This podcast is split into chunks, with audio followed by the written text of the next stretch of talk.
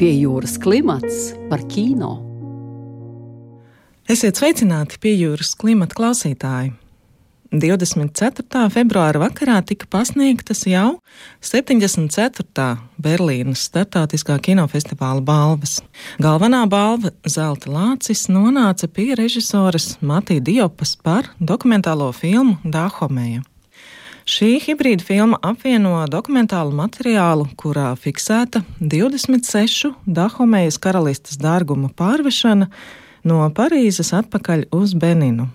Aizkadrā dzirdams suģestējoši zemes balss stāstījums, kas it kā pieder vienai no grandiozajām koka un dzelzs skulptūrām, kas saudzīgi tiek ievietotas konteineros garajam ceļojumam.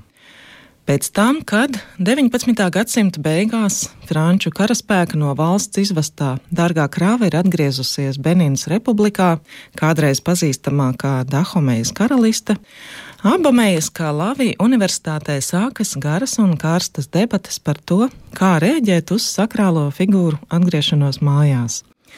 Vai tā ir nozīmīga uzvara pār koloniālismu apēnoto pagātni, vai tomēr maznozīmīgs solis, ņemot vērā to, ka vēl vairāki tūkstoši mākslas darbu palikuši nepārvesti? Savā runā Diopa teica, ka šī balva ir pagodinājums ne tikai viņai, bet arī visai redzamajai un neredzamajai kopienai, ko filma pārstāv. Lielo žūrijas balvu sudraba lāci saņēma korejiešu režisors Hons Sansu par savu liegi komisko filmu Ceļotāju vajadzības, kurā Seulā klīstošu franču valodas skolotāju atveido Izabela Ipēra. Žūrija apbalvoja arī franču autoru kino klasiķi Bruno Dimonu par apakaliptisko zinātniskās fantastikas komēdiju Impērija. Dimons savas pateicības runas vietā no telefona atskaņoja lakonisku mākslīgā intelekta vēstījumu. Kino nav dzīmuma, kino nav ādas krāsas, kino ir kino. Berlinālas filmas vērtē arī neatkarīgās žūrijas, kurā šogad bija klātesošas arī Latvijas pārstāvis. Startautiskās kinokritiķu asociācijas Fipresī žūrijas sastāvā filmas vērtēja kinokritiķe Dārta Ceriņa, bet ekumeniskajā žūrijā Latviju pārstāvēja producente Marta Romānova. Berlināle Series Market bija iekļauta režisoru Staņislava Tokalova un Jūra Kursieša daudzsēriju filmu Padomju džinsi, kas nu pat kā startējusi kinoteātros, bet fóruma skatē, kuras programmā īpaši uzmanība tiek pievērsta pārdomām par kino mēdīju, sociāli māksliniecisko diskursu un īpašu estētikas izjūtu, pasaules pirmizrāde piedzīvoja un ekumeniskās žūrijas balvu saņēma režisora Dāvis Īmaņa spēlfilma Mārijas klusums. Latvijas, Mistrus mēdīja un Lietuvas brūmfilmas kopražojumā tapusī filma ir vēsturiska drāma, kas veidota pēc Eiropā strādājušās teātra un kino aktrises Marijas Leiko dramatiskā dzīves stāsta motīviem un vēsta par viņas dzīves pēdējiem gadiem, kad aktrise no Vācijas dodas uz Padomju Savienību, lai parūpētos par savu mazmeitu un kļūst par Staļina iniciētās latviešu iznīcināšanas akcijas liecinieci un upuri. Vēl pirms brauciena uz Berlināli režisors Dāvis Simons viesojās pie jūras klimata studijā, sniedzot ieskatu Mārijas klusuma kino pasaulē. Sveiks, Dāvi! Sveiki! Kas ir tas, kas tevi piesaistīja Marijas Leiko dzīves stāstā tik lielā mērā, lai veidotu filmu? Nu, manuprāt, priekš latviešu auditorijas un arī starptautiski Marijas Leiko dzīves stāsts, kurš savā ziņā raksturo visu šo periodu, ko mēs teorijas kontekstā mēdzam dēvēt par pasaules sajukšanas prātā periodu, ja, kas aizsākās ar Pirmo pasaules karu, revolūciju Krievijā un Vācijā, un pēc tam arī starpkara periodu ar autokrātisko, autoritāro režīmu veidošanos. Marijas Lēko personība kaut kā izceļot cauri šiem periodiem, šīm dažādajām vietām, ar to savu pieredzējumu vai klātbūtni, viņa ļoti, ļoti spilgti šo periodu arī raksturo. Tas varbūt arī ir tas galvenais, ka viņi kalpo par tādu kā savu veidu vēsturisku prizmu, caur kuru mēs varam ieskatīties tajos notikumos, nevis tādā šaurā viena leņķa veidā, bet tieši kad izgaismot visu šo 20. gadsimta pirmo pusi ar visām tām raksturīgajām politiskajām peripētijām, kultūras peripētijām un kaut kādu veidu arī katastrofām vēsturiskajām, kas tajā laikā ir notikušas. Tavas filmas centrā Marija Leiko ir jau pusmūžā. Kāda ir bijusi viņas dzīve pirms notikumiem, kas risinās filmā? Viņas dzīve pilnīgi noteikti bijusi ļoti raiba. Viņa pamet Latviju saistībā ar to, ka viņas tā brīža draugam draud ieslodzījums. Tas notiek jau gadsimta sākumā, vēl pirms Pirmā pasaules kara. Viņa pamet Latviju, viņa mācās aktieru mākslu gan Kopenhāgenā, gan Vīnē, nonāk darbā teātrī Vācijā, sāk savu teātris karjeru, ļoti ātri nokļūst jaunizveidotajā Veimāras republikas kino industrijā, un tur patiesībā ļoti ātri iegūst ļoti spēcīgu statusu kā aktrise, kā ļoti talantīga aktrise, un rezultātā nu, šajā 20. gadu pirmajā pusē spēlē daudzās tā brīža nozīmīgās filmās, un arī vienlaikus arī šīs centrālās lomas. Tostarp jau pieminētais Mūrnavs sadarbojusies arī citiem tā laika spēcīgiem režisoriem. Vēlāk eh, viņa turpina darbu teātrī, sadarbojās ar arī tā laika tām galvenajām zvaigznēm, kā piemēram Bertolds Brekts un Ervins Piskators, ja, tad piedalās šajā vācu politiskajā teātrī. Un pēc tam pamet Vāciju Nu, tas ir visticamākais saistīts ar nu, pazudu tās darba iespējas teātrī, um, pārēju no mēmā kino uz skaņu kino, kur viņi vairs arī neatrod teiksim, savam vecumam atbilstošas lomas. Rezultātā viņi atgriežas Latvijā un uh, turpina arī daļēji spēlēt teātrī, šeit Nacionālajā teātrī, tādējādi nu, joprojām realizēties kā aktrise. Un tad tam seko skumjš notikums dzemdībās. Grūzijā. Mums filmā tā ir Maskava, bet uh, vēsturiski tā ir Grūzija, Tbilisī. Zemdībās mirst viņas meita, bet izdzīvo zīdainīca, tātad mazmeita Nora. Nevienam nav kuram parūpēties par šo mazo bērnu, un, un uh, Marija Leiko izlēma doties uz Grūziju lai parūpētos par šo bērnu, pieņemtu viņu, bet uh, savā atceļā uz, uz Latviju tādu, kas saka, atsevišķu personību, ietekmīgu politisku personību Padomju Savienībā ietekmē vai uzaicināta. Tomēr uzkavējas Maskavā un kā rezultātā nonāk šajā politiski vardarbīgajā virpulī, kas rezultējās ar ļoti daudzu cilvēku iznīcināšanu tieši pēc nacionālajām pazīmēm. Nu, viņas gadījumā tas, protams, ir šī latviešu operācija. Tad, tad eh, NKVD realizēta tāda sistemātiska latviešu iznīcināšana Padomju Savienībā, kas ir prasījusi aptuveni 20 tūkstošu cilvēku dzīves, nu, daudziem tiekot ieslodzītiem. Man pašam nu, tieši šis kaut kāds varas un individu konfrontācija, tas absolūtais, nu, kā cilvēks ir tas viens pret kaut kādu sistēmu un tādu iracionālu sistēmu, kur viņš nevar rast kaut kādu izskaidrojumu, bet vienlaikus viņu vada arī kaut kādi savi instinkti. Viņas gadījumā tas ir šie divi instinkti. Varbūt no vienas puses vēlme parūpēties par mazmeitni, kā varbūt kaut kādā veidā būt tai mātei, kāda viņa nav bijusi iepriekš dēļ savas ļoti intensīvās aktrises karjeras, bet vienlaikus tomēr vēl arī realizēties kā aktrisei. Tāpēc šī uzkavēšanās Maskavā paredz arī viņas darbu Maskavas Latviešu teātrī skatuve. Tas ir tāds varbūt viena no zināmākajām epizodēm lielā terora nacionālo operāciju kontekstā tā ir. Tātad teātris skatu iznīcināšana, ja, ka šī trupa tiek nu, gandrīz pilnā mērā izņemot atsevišķus trupas dalībniekus, iznīcināta. Un, un Marija Leiko ir starp viņiem. Un šeit arī parādās tas, ka mēs varam šobrīd iedomāties, ka teiksim, bērns, tas mazais bērniņš, kuram tajā brīdī ir trīs gadi, ka viņš nonāk tur aprūpas iestādē. Varbūt tā, joprojām kaut kur Krievijas plašumos ir 90 gadīga veca sieviete, kur tā arī nekad neuzzinās, ka viņa ir bijusi Marijas Leiko meitas Noras, meita Nora. Bet visu šo Vācijas ekrāna skatuves dzīvi jūs esat atstājuši ārpus filmas, fokusējoties tieši uz laika periodu Maskavā. Jā, man vienmēr liekas, ka filmās, kurās ir kaut kādas biogrāfijas klātbūtne, nevar izstāstīt mūžus. Var izstāstīt intensīvākos šī mūža periodus. Un skaidrs, ka Marijas Leiko kontekstā pat, ja varbūt radoši viņa kaut kur citur ir bijusi tā visjaudīgākā, nu, pieņemsim, kaut vai filmējoties pie Mūrnava filmā Sātans, ka tomēr tāda intensīva no tādas ne tikai realizēšanās bīstamības, politiskās konfrontācijas, arī kaut kādu romantisku elementu viedokļa. Tas tomēr ir šis periods Padomju Savienībā, šis noslēdzošais viņas dzīves periods. Un, manuprāt, šāda veida arī kaut kādā ziņā noslēpumaini, bet intensīvi periodi viņi arī potenciāli var izraisīt skatītāju interesi par to biogrāfiju kopumā. Un tad jau skatītājiem var ieslēgties kaut kāds instinkts, ka viņš tā kā uzzina, lasa, domā līdzi, skatās, kas tad Marija Leiko ir bijusi, kas tad ir tas viņas ieguldījums Eiropas kultūrā un, un Latvijas kultūrā, un tad atbilstoši tā ir tāds grūdienis varbūt tādā epistemoloģijas virzienā, ja, nu, vai kaut kādas tādas epistemoloģiskas izpētes virzienā.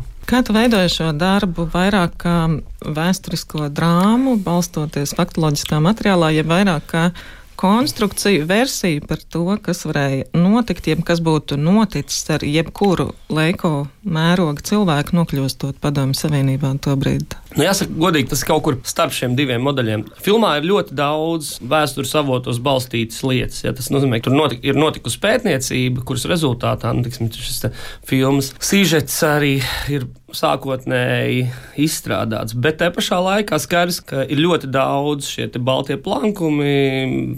Tieši attiecībā uz Mariju Leiko tās liecības par šo periodu ir vis, vis nabadzīgākās, un to tie baltie plankumi ir jāizpild. Tāda aizpildīšana notiek, ar, protams, ar kaut kādu mēģinājumu pētīt nu, kaut kādu līdzīgu cilvēku likteņus Padomju Savienībā, mēģināja saprast, kas viņu dzīvē ir noticis, mēģinājām saprast eh, arī vispār, kā šie varas miedarbības mehānismi ir darbojušies. Un tad nu, no tā izējot, mēģinājām arī uzkonstruēt kaut kādas tādas hipotētiskas situācijas. Turklāt arī filma varbūt mēģina kaut kā iezīmēt tādus kontrastējošus sabiedrības ikdienas ainiņas, kuras kaut kādā veidā nu, pat īsti neatiecās uz Marijas laiko dzīvi un viņas šo likteni, bet varbūt pat dažreiz tādā daļai sarkastiskā vai ironiskā veidā raksturot to vidi, kas ir viņai apkārt, ko viņam kaut kādā ziņā daļai izliekās neredzama, vai arī vienkārši neredz. Bet arī tās mazās ikdienas dzīves ainiņas viņām arī mainās tā emocionālā temperatūra.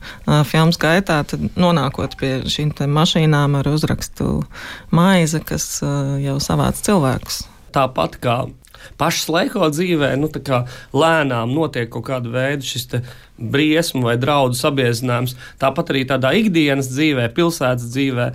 Notiek kaut kāds šis sabiezinājums, kaut kāda šī bīstamība ar vienu pieaug un pieaug un pieaug. Un no tā viedokļa šīs mašīnas filmā viņas gan iegūst tādu simbolisku statusu, un, un tās ir pilnīgi reālas, reāli vēsturiski uh, fakti, ja, lai izvairītos no nevēlamiem skatieniem, no redzētu, ka tiek nu, vesti prom cilvēki, vesti prom uz cietumiem vai vesti prom uz, uz nošaušanu kādā no poligoniem. Čeki izveido vairākās vietās šos poligonus, kur notiek šīs masveida iznīcināšanas, līdzīgi kā tas ir holokaustā. Tiek izmantotas mašīnas ar nosaukumu Hļeb, nu, tad mašīnas, kas it kā izvadā maizi. Ja, un, un tā ir tāda ļoti traģiska Bet vienlaikus ir ironiska situācija, ja, kad nu, tie cilvēki, nu, tieši tāpat kā kaut kādi maizes klaipiņi, ir sakrauti tur kaut kādos plauktos, tad, kad mašīna izvadā maizi, tieši tādā pašā mašīnā ar tādu pašu uzrakstu tiek izvadāti šie cilvēki. Kas tev kalpoja kā atslēga uz Marijas tēlu, uz viņas personāžu izskatu, plastiku, psiholoģisko portretu, vai ir saglabājušās un pieejams kādas no filmām, to fragment, kur redzam Leiko, jeb arī tā vizuālā līdzība nebija tas, ko jūs centāties panākt. Ir saglabājušās vairākas filmas, jā, un mēs tur varam redzēt Marijas Leiko spēli, bet tas vairāk ir saistīts ar šo viņas jaunāko gadu periodu. Ja. Ir bildes, viņas izskatu var fiksēt. Mūsu gadījumā varbūt pat tā fiziskā līdzība pat nebija tas pats svarīgākais. Mēs centāmies atrast kaut kādas paralēlas, bet skaidrs, ka tas nebija mūsu pamatu uzdevums. Mūsu pamatu uzdevums vairāk bija iezīmēt Mariju Laiko, ja mēs domājam par Latviju un latviešiem, un ja mēs domājam par kaut kādu arī cilvēkiem, kas dzīvoja Padomu Savienībā tajā starpkara periodā nu, ka acīm redzami, lai viņa būtu atšķirīga, ka viņai ir jābūt kaut kādā ziņā atšķirīgai no latviešiem un atšķirīgai no arī tiem cilvēkiem, kas dzīvo Padomju Savienībā, tur Maskavā, nospiesti no savas ikdienas dzīves vai nospiesti no kaut kāda varas smaguma.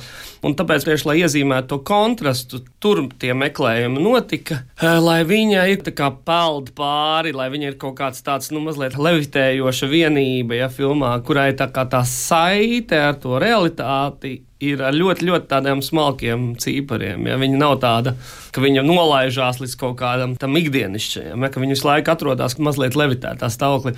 Un arī, arī ar savu izskatu viņai ir kaut kas no porcelāna cilvēka, kurš mazliet tā kā atšķirās no tās pārējās vidas. Un kā tu izvēlējies aktrisi titulu lomai? Olgai Šepickai nav daudz loma Latvijas kino, lai gan tās, kas ir bijušas, ir gan spilgtas, atmiņā paliekošas. Paradoxālā kārtā Olga Šepītskas pirmā lielā kino loma Jevģīņa Paškeviča filmā Cilvēku dienas jā, arī nonāca. Berlīnas festivālā. Ja, tā kā šī filma nonāca Berlīnas festivālā, tad kaut kādā ziņā varbūt viņa ir piemērota kaut kādam ekrānam Berlīnē. Tas tāds joks, bet, bet skaidrs, ka Olga kā aktrise man ir uzrunājusi jau ļoti sen. Es par viņu uh, biju domājis, un arī viņa ir nofilmējusies vairākās manās iepriekšējās filmās, ļoti nelielās lomās. Tad, kad mēs sākām uh, jau tā padziļināti meklēt un domāt par šo galvenās lomas atveidotāju, Viņas vārds parādījās, un mums bija notika aktieru atlase. Tad, kad uh, mēs ar Olgu nu, burtiski pastrādājām kaut kādas 15, 20 minūtes, un tajā veidā, kā viņi sev izpauda, un kaut kādā ziņā varbūt arī viņas pašas aktrises liktenis bijis gan teātrī, gan kino, bet kaut kādā brīdī pārtrūcis, ja, un kaut kādā ziņā viņa arī valda šī nostalģija pēc aktieru spēles. Tur pēkšņi saslēdzās ļoti daudz, daudz lietas, un turklāt patiešām Olgas izskats arī ir atšķirīgs. Pat nevis atšķirīgs tur kaut pēc kādām nacionālām pazīmēm, bet atšķirīgs vienkārši kaut kā izskatās savādāk. Un, un tas bija tas varbūt nosacījums, kāpēc uh, viņa tika izvēlēta. Un, manuprāt, nospēlēja brīnišķīgu, brīnišķīgu lomu šajā filmā. Marija filmā neieņem, vai vismaz uzkrītoši neieņem jau kādu politisku nostāju. Viņas reakcijas un izvēles ir drīzāk vispār cilvēcisku vai teātra gadījumā māksliniecisku vērtību diktēts iepratim, piemēram, Masjai Lācis. Jā, palikt padomju savienībā. Lielākajai daļai cilvēku tā būtu politiska izvēle, bet iepazīties ar vēsturisko Mariju Lēku un mēģināt viņu saprast. Arvien vairāk un vairāk radās pārliecība, ka tieši otrādi, ka tā viņas gadījumā tā ir absolūti apolitiska izvēle. Ja? Ka to nosaka kaut kādi ārēji faktori, nokārtot kaut kādus dokumentus, kas ir saistīti ar iespēju mazmeitu izvest no Padomju Savienības. Tas ir saistīts ar kaut kādiem piedāvājumiem teātrī. Bet tajā nav šī politiskā diskursa, kāpēc viņi arī nu, diezgan viegli adaptējās nosacīt tādā padomju elites eh, sabiedrībā, jo viņa, nu, vismaz sākotnēji, var just, ka viņa nesaprot šo sistēmas baisumu, tos potenciālos draudus un arī potenciālo viņas kā tādas vienas no šaha figūrām, ja, viņas izspēle šajā lielajā spēlē. Jau skaidrs, ka no buržuāziskās rietumu pasaules nāk uz aktrise, kura pēkšņi ir izvēlējusies dzīvi Padomju Savienībā, ir brīnišķīgs propagandas instruments. Bet viņa to līdz galam nesaprot. Un tieši tajā varbūt ir tā viņas lielā traģēdija, ka viņa uzticās tam cilvēcīgajam, bet tā cilvēcīgā tajā valstī, kur viņa nonākusi, tā cilvēcīgā tur jau sen nav. Un šī pretruna viņai atklājās stipri par vēlu. Kas ir um, Marijas klusums? Vai tā ir viņas klusēšana? Marijas klusums tur ir ļoti daudz dažādi klusumi. Ja. Kaut kādā ziņā klusums par šo periodu, vēstures tāds nepietiekamā diskusija par šo laiku, par šīm lielā terora represijām. Jo mēs bieži vien arī Latvijas kontekstā uzskatām, nu kā tie jau kaut kādi tur sarkanie latvieši, kaut kādi mm, absolūti nožēlojami. Viņus mēs nekādā veidā neasociējam ar, ar latviešiem, jo tajā ir arī daļa taisnības, jo arī viņi paši sevi nekādu latviskumu jau intensīvi neasociē. Bet te pašā laikā jāsaprot, ka viņus jau nogalināja tieši tādēļ, ka viņi ir latvieši. Tas klusums ir arī kaut kādā ziņā saistīts ar šo mēmā kino aktrises tēlu. Ja mēs skatāmies filmā, salīdzinoši ar citiem varoņiem, arī runā ļoti maz. Viņi sāk runāt tikai tad, kad viņi jau nonāk kaut kādā tādā konfrontācijā. Ar.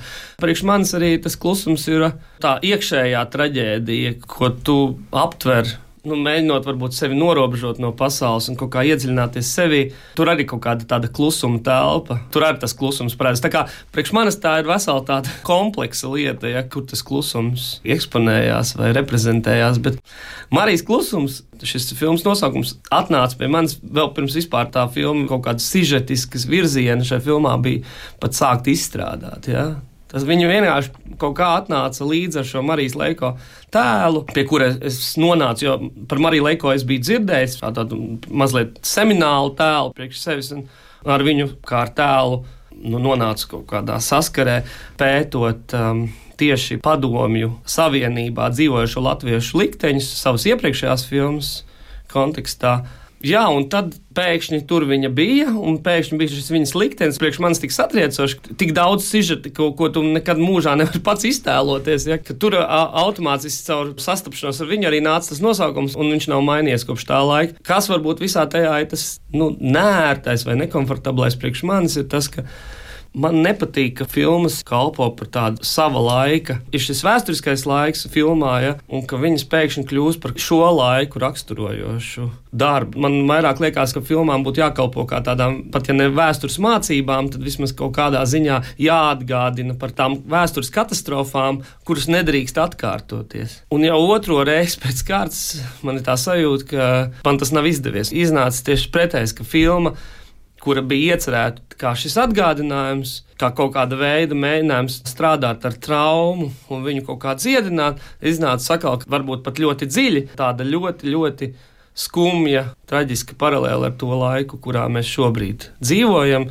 Gan Krievijas karu izraisītā kara Ukrainā sakarā, gan Krievijas iekšējo represiju sakarā, gan dažāda veida citu politisko peripētiju, politiskā labējā radikālisma un arī kreisā radikālisma izaugsmē visur pasaulē, un tostarp arī Eiropā. Un tas man mazliet mulsina. Ir tāds sajūta, ka mēs tā esam apmēram ar savu filmu, mēs vēl pierunājam to, ka, ka tāda tā pasaule ir. Jā. Filmas personāži. Teātris vadītājs Lāznieks, čekists Leonīds Zekovskis, partijas darbinieks Jākaps Peters. Tās visas ir reāls personības. Cik tuvi ir šie filmā redzamie personāļi to prototipiem? Visticamāk, mēs līdz galam nezinām. Tā problēma ir bieži vien ar to, ka vēsture mums stāsta par eh, personībām un viņu darbiem. Nu, tādā ziņā, ka mēs redzam personību, mēs redzam darbus, mēs, mēs neredzam emocijas, mēs neredzam psiholoģiju. Ja?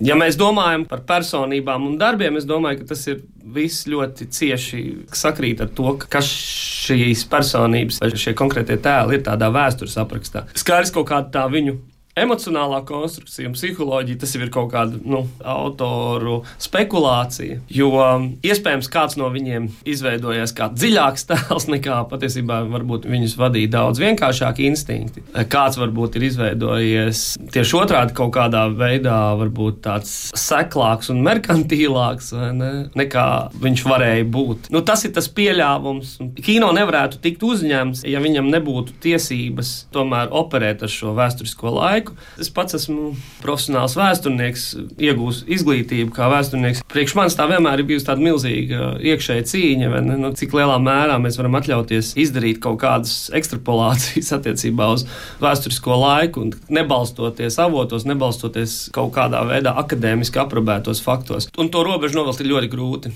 Tā robeža var būt uz to, ka, piemēram, filmā parādās kafijas tasītes, kuras neatbilst laikmetam, vai mm, dīvānu dizains nav pietiekami adekvāts adekvāts priekš konkrētā vēsturiskā laika. Bet tas arī var būt saistīts ar kaut kādiem lielākiem procesiem, ar kaut kādām chronoloģijas maiņām un notikumiem, kas varbūt ir notikuši kaut kādā citā brīdī. Notiek. Tā, tā ir tāda uh, režisora atbildība, varbūt, kas viņam pret vēsturisko narratīvu jāizjūt uh, un jāsaprot, cik daudz viņš šīs savas liberācijas var atļauties. Filmēšana notika Liepājā, Daugopilī, arī Rīgā.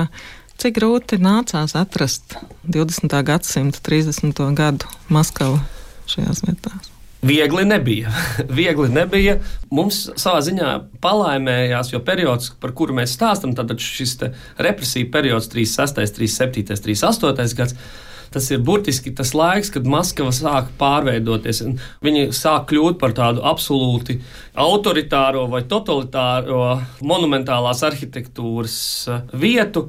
Bet tajā brīdī viņa vēl īsti tāda nav. Joprojām ir šīs nelielās ieliņas, šaurās ar divu stāvu, trīs stāvu apbūvi. Ja? Ir e, atsevišķās vietas, kur patiešām tā laika mūsdienu arhitektūra vai moderna arhitektūra parādās, bet kopumā joprojām tā ir tāda cariskās Krievijas pilsēta. Salīdzinoši neaugsta, salīdzinoši cieši apbūvēta. Daugopilī tas ir tātad Daugopils cietokšņa teritorija, ja, un Liepājā tas arī ir nu, vairāk tieši tie industriālie rajoni, jo Liepā ir ļoti industrializēta arī cariskajā Krievijā.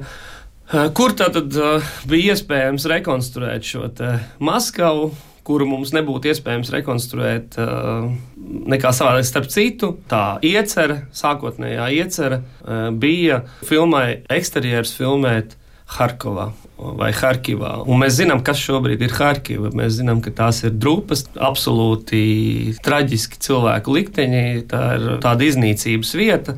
Un tas ir šokējoši, ka tu saproti, ka bija doma, re, kur, ka mēs varēsim izmantot šo vietu un tur strādājošos profesionāļus.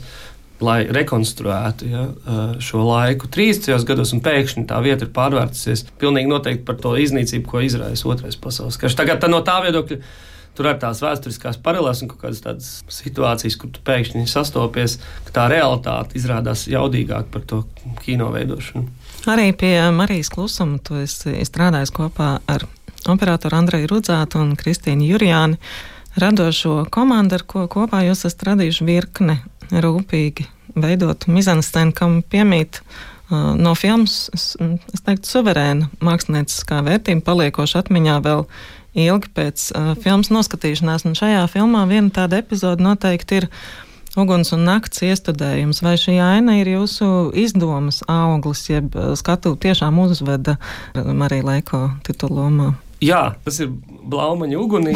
Tā bija tā galvenā Marijai Leiko piedāvātā loma, ja šī Kristīnas loma, kur, kur arī bija šī pretruna, ka Kristīna ir pavisam jauna sieviete, un sieviete 30. gados, 50 gadīga sieviete 30 gados tika uzskatīta jau par virs pusmūža stipri, ja, tā kā, nu, principā par sievieti gados. Tā bija ļoti interesanta izvēle, kur turklāt patiešām tika uzticēta režisorei Asijai Lācis veidot teātri gan formas, gan satura ziņā mazliet tādu atšķirīgi varbūt no tās skatuves ierastā repertuāra. Tas priekš mums bija jā, tāds izaicinājums, kādā veidā vispār nonākt līdz šīs izrādes rekonstrukcijai. Un tad mēs diezgan daudz domājam, domājam par to, ko Asilāts varētu būt bijusi veidojis, pat varbūt kaut kādā ziņā paspilgt pasliktinot vai intensificējot tās prakses, kuras Asilāts pārstāvēja, nu, tieši domājot par tādu fizisko teātri ja, un formas teātri, lai būtu šī pretruna, ka tā vara pieprasa šo sociālistiskā realismu klātbūtni uz skatuves, bet tiek darīts kaut kas cits, un tas arī kaut kāda protesta forma. Tas likās ļoti, ļoti interesants vispār darbs, jo, jo es pats teātri nekad neesmu veidojis, man nav, man nav bijuši teātri iestudēšana, un, un tad eh, konsultējoties ar dažiem Nu, Meierholda uh, tradīcijas ekspertiem. Mēs mēģinām izstrādāt, kāda varētu būt šī izrādes koncepcija. Un, nu, filmā jau redz tikai izrādes finālu, bet mums bija izstrādāts tas iespējams daudz tādā plašākā veidā, ka mēs apmēram jau sapratām arī, kas ir noticis iepriekš un kā tas varēja būt izskatījies. Kā izvērtās sadarbība ar uh, Magali Negroni, vai viņi saskatīja vēl kaut kādas jaunas šķautnes šim stāstam vai gluži pretēji? redzēju kaut ko lieku, pārlieku detalizētu, lokālu. Magali Negroni ir pilnīgi noteikti tas cilvēks, kurš kaut kādā ziņā atņēma šim stāstam to lokālo momentu. Ja, tad parādījās kaut kāds skats no malas, kurš uzdeva jautājumus tieši par kaut kādām nu, mums šķietami pašsaprotamām lietām, pirmkārt, ļaujot atbrīvoties no tām, bet vienlaikus arī ierosinot, nu, pastiprināt kaut kādu šo emocionālo ceļojumu varonei un arī pārējiem varoņiem, tādējādi universalizējot šo stāstu, paceļot viņu pāri varbūt tam nosacīti vēsturiskajam rāmim. Ja? Nu, tur ir kaut kādas tomēr arī paralēli tam, tam vēsturiskajam stāstam, ir kaut kādas universālijas. Un tas bija, manuprāt, ļoti, ļoti svētīgs pienesums scenārijam. Tas bija scenārija veidošanas jau pašā, pašā pēdējā fāzē. Viņa nu, tāds spēcīgs redaktors, kurš spēja jā, sakārtot gan manas domas, gan pašu scenāriju. Un, un tas arī man palīdzēja ne tikai kaut kā domāt nu, tajās scenārija kategorijās, bet arī režijas kategorijās. Jo Magali viņa tieši tiešām ir eh, spējīgi uzreiz dot, ka scenārijs izraisa režisoriskus lēmumus. Ja? Tas, man liekas, bija ļoti, ļoti svarīgi. Tā ir, es domāju, tā ir viena no tādām. Nu, gan Latvijas kino problēmām, gan vispār nacionālo valstu lokālā kino problēmām, mēs bieži vien uh, uzskatām kaut ko par pašsaprotamu. Nu, mums liekas, ka nu, kaut kādas mūsu problēmas, mūsu uh, vēsture, mūsu personības, tās ir tās svarīgās, bet mēs viņus neesam gatavi pacelt kaut kādā citā līmenī, lai viņus varētu ieinteresēt, vai šīs problēmas, vai šīs personāžas, vai, vai kaut kāda veida notikumi, ka viņi varētu ieinteresēt kādu no ārpuses. Tā, man liekas, ir ļoti svarīga praksa, ka mēs kaut kā spējam to gan tajā nu, stāsta līmenī vai narratīva līmenī, gan arī protams, tajā formu veidas, kino izteiksmes līdzekļu lietojuma ziņā. Marijas klusums attēls ir melnbalts ar atsevišķās ainās izteiktiem gaismas ēnas kontrastiem. Tas ir kā veltījums ekspresionismam, kino periodam, kurā Leiko darbojusies. Jā, noteikti tur ir šis eh, moments. Kaut gan ekspresionisms, protams, izcēlās arī ar tādu ļoti izteiktu dekorāciju, stilizāciju un, un kaut kādas, varbūt, atraušanās no realitātes. Mūsu filmā varbūt mēs tieši otrādi brīžam kaut ko mēģinam tādu arī ironisku prizmu, tomēr to realitāti kaut kā uzkonstruēt. Manuprāt, šis periods, par ko mēs runājam, un arī Marijas Leiko liktenis, viņš pieprasa kaut kādu novēršanos no tādas ornamentācijas, no kaut kādām detaļām, kuras krāsu kino ļoti spilgti parādās. Ja? Kad šajā melnbaltajā attēlā izceļas tās konkrētās lietas, viņā neizceļas tas, kas ir mazāk svarīgs, kas vairāk veido kaut kādu tādu attēlu ornamentāciju. Un tas arī bija ļoti svarīgi. Un vēl viens moments, un tas vienmēr tā ir bijis, ne tikai ka melnbalts attēls norāda uz šo vēsturisko laiku, uz kaut kādu pagātni, bet arī tas, ka melnbalts attēls ir arī kaut kādā ziņā tāds sociālās destrukcijas pazīme. Nu, tas nozīmē, ka tu atņem krāsas, tas ir tāpat kā, tu, ja tu dzīvē atņemtu krāsas, dzīve kļūst daudz drūmāka, daudz mazāk tolerējama, paciešama. Un, eh, un tieši tāpat, ja tu atņem krāsas šim laikam, tu arī padari to laiku iespējams tuvāku tam, kāds viņš ir bijis. Nevis tad, kad tajā krāsainībā viņš var šķist, ah, bet, bet tas jau ir, viss ir tik forši. Te jau visi ārskati, lielākā daļa darbības tur notiek tumsā, bez dienas gaismas, radot tādu nu, nomācošu nolemtības iespēju, varbūt pat dažreiz paviljonu ilūziju. Kādēļ tāda izvēle? Pirmkārt, man šis vārds klusums Marijas klusums asociējās ar tumsu. Tā ir tumsa. Nu, tas ir kaut kāds laiks, ko cilvēks pavada tumsā. Šis vēsturiskais periods, tas ir tumsas periods. Vispār starpkara periods man ir tumsas periods.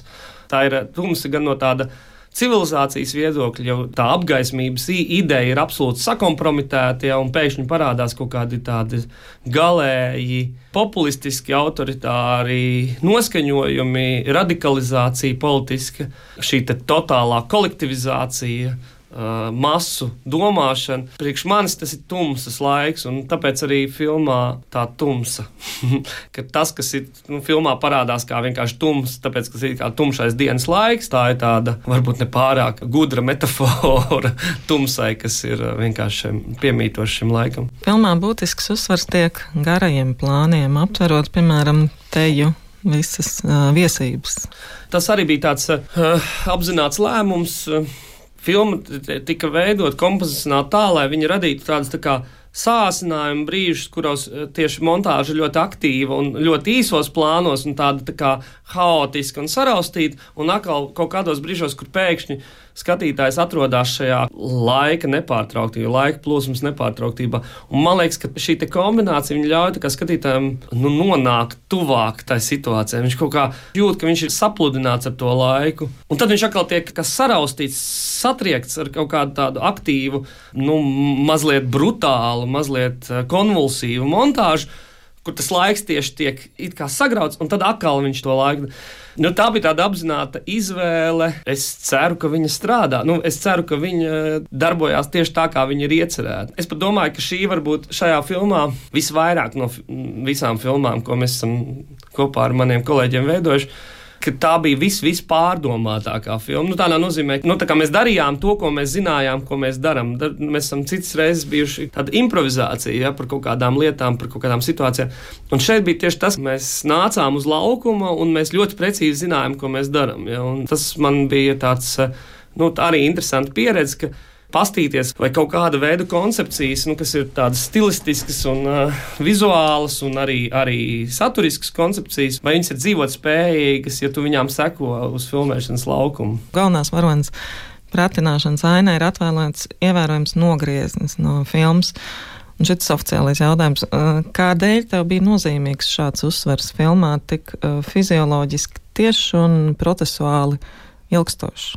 Šī izvēle ir saistīta ar to, ka šīs lielā terora represijas bija visnežēlīgākās represijas, kādas vispār ir iedomājamas cilvēces vēsturē. Nu, tur tas, kas tika darīts ar upuriem, nu, kaut kādā ziņā nu, mēs varam to salīdzināt ar kaut ko, kas šobrīd notika, kad Hamas teroristi iebruka. Eh, Izraels kibucos 7. oktobrī. Tā bija tāda nežēlības kvintessence, ja? bet tādas iracionālas vardarbības kvintessence. Un bieži vien šim aspektam netiek pievērsta liela uzmanība. Nu, kā, nu, nu, parādījāt cilvēkus, tur papratināja, nu, un tad viņus tur iznīcināja. Ja? Bet man bija ļoti svarīgi tas, ka, tas neizraisa, ka tas ir tā vienkārši. Nē, es gribēju, lai, lai skatītājs izjūt to, ka tas ir bijis cilvēks, tiek novests līdz absolūtam, absolūtam, salauztam, galēji salauztam stāvoklim. Ja? Mana lielā iedvesma šai sakarā, ja piemēram šajā filmā, nu, mūsu filmā, varbūt pratināšanas ainas aizņem varbūt kaut kādu vienu ceturto daļu filmas. Tad uh, filma, kura tas nu, ģeniāla filma, iespējams, labākā poļu filma, kas jebkad ir. Ir uzņemta tad filmu pratināšana 80. gados. Priekš manis tā ir filma, kas parāda to, kādā veidā nežēlība kļūst par kaut kādu sistēmisku praksi, ka viņa zaudē jebkāda veida cilvēcisko rāmējumu. Ja? Tajā filmā tas ir. Eh, mūsu filmā pat ir viens mazs citāts no tās filmas, ko mēs izmantojām, lai kaut kā varbūt arī norādītu tādus arī ceļus atpakaļ vēsturē pie tās filmas. Tā man, manuprāt, vislabāk tieši to raksturo, ka lai nevienam nerodās ne mazākās sajūtas, ka tas kaut kā tā vienkārši, nu, tā kā, jā, nu tā, tā notika, vai ne? Nē, pat mēs nespējam arī savā filmā to rekonstruēt pat tuvu tam, kā tas ir bijis, bet mēs vismaz nu, ejam tajā virzienā. Arī teātris skatu dodas tūrē uz Ukrainu. Kad eh, scenārija ienāca šī līnija, vai tam bija saistība ar karu, kas šobrīd norisinās Ukrainā? Nu, viena no tādām spilgtākajām atmiņām, kas ir pierakstīts par teātris skatu, šajās viņas atmiņās tieši tas kaut kāds moments ir minēts par tiem izbraucieniem uz dažādām vietām Padomju Savienībā, tostarp Ukrainu, kur, kur tad, tad eh, viņi dodas tādās stūrēs pie latviešiem, kas tur ir nometināti jau cara periodā. Un tieši kaut kāds tas kontrasts par to totālo iznīcību, kur valda, un ka tā Marijas laiko personība, ka viņa ir kaut kāda tāda dāma nekurienes vidū, ne? ja tajā Maskavā, nu, viņa vēl tā kā atrodas savā ierastajā, gan sociālajā līmenī ierastajā, gan arī tādā dzīves greznības vai dzīves labklājības līmenī. Un pēkšņi viņi tiek konfrontēti ar to totālo uh, iznīcību, ko tā, tā padomju vāra ir uzspiedusi tām tālajām vietām. Un tas jau scenārijā parādījās ļoti agri, un tas, ka tas dod atsauces uz Holodomoru vai Golodomoru un um, tiem notikumiem, kas um, šobrīd notiek Ukrajinā, nu tā atkal ir tā bēdīgā sakritība, bēdīgā sakritība. Jebkura vēsturiska filma var būt pakļauta. Raidījumā viesojās Dāvis Sīmanis. Pie jūras klimata vadīja Sonora Broka un montēja Judīta Bērziņa. Raidījums tapis ar valsts kultūra kapitāla fonda atbalstu.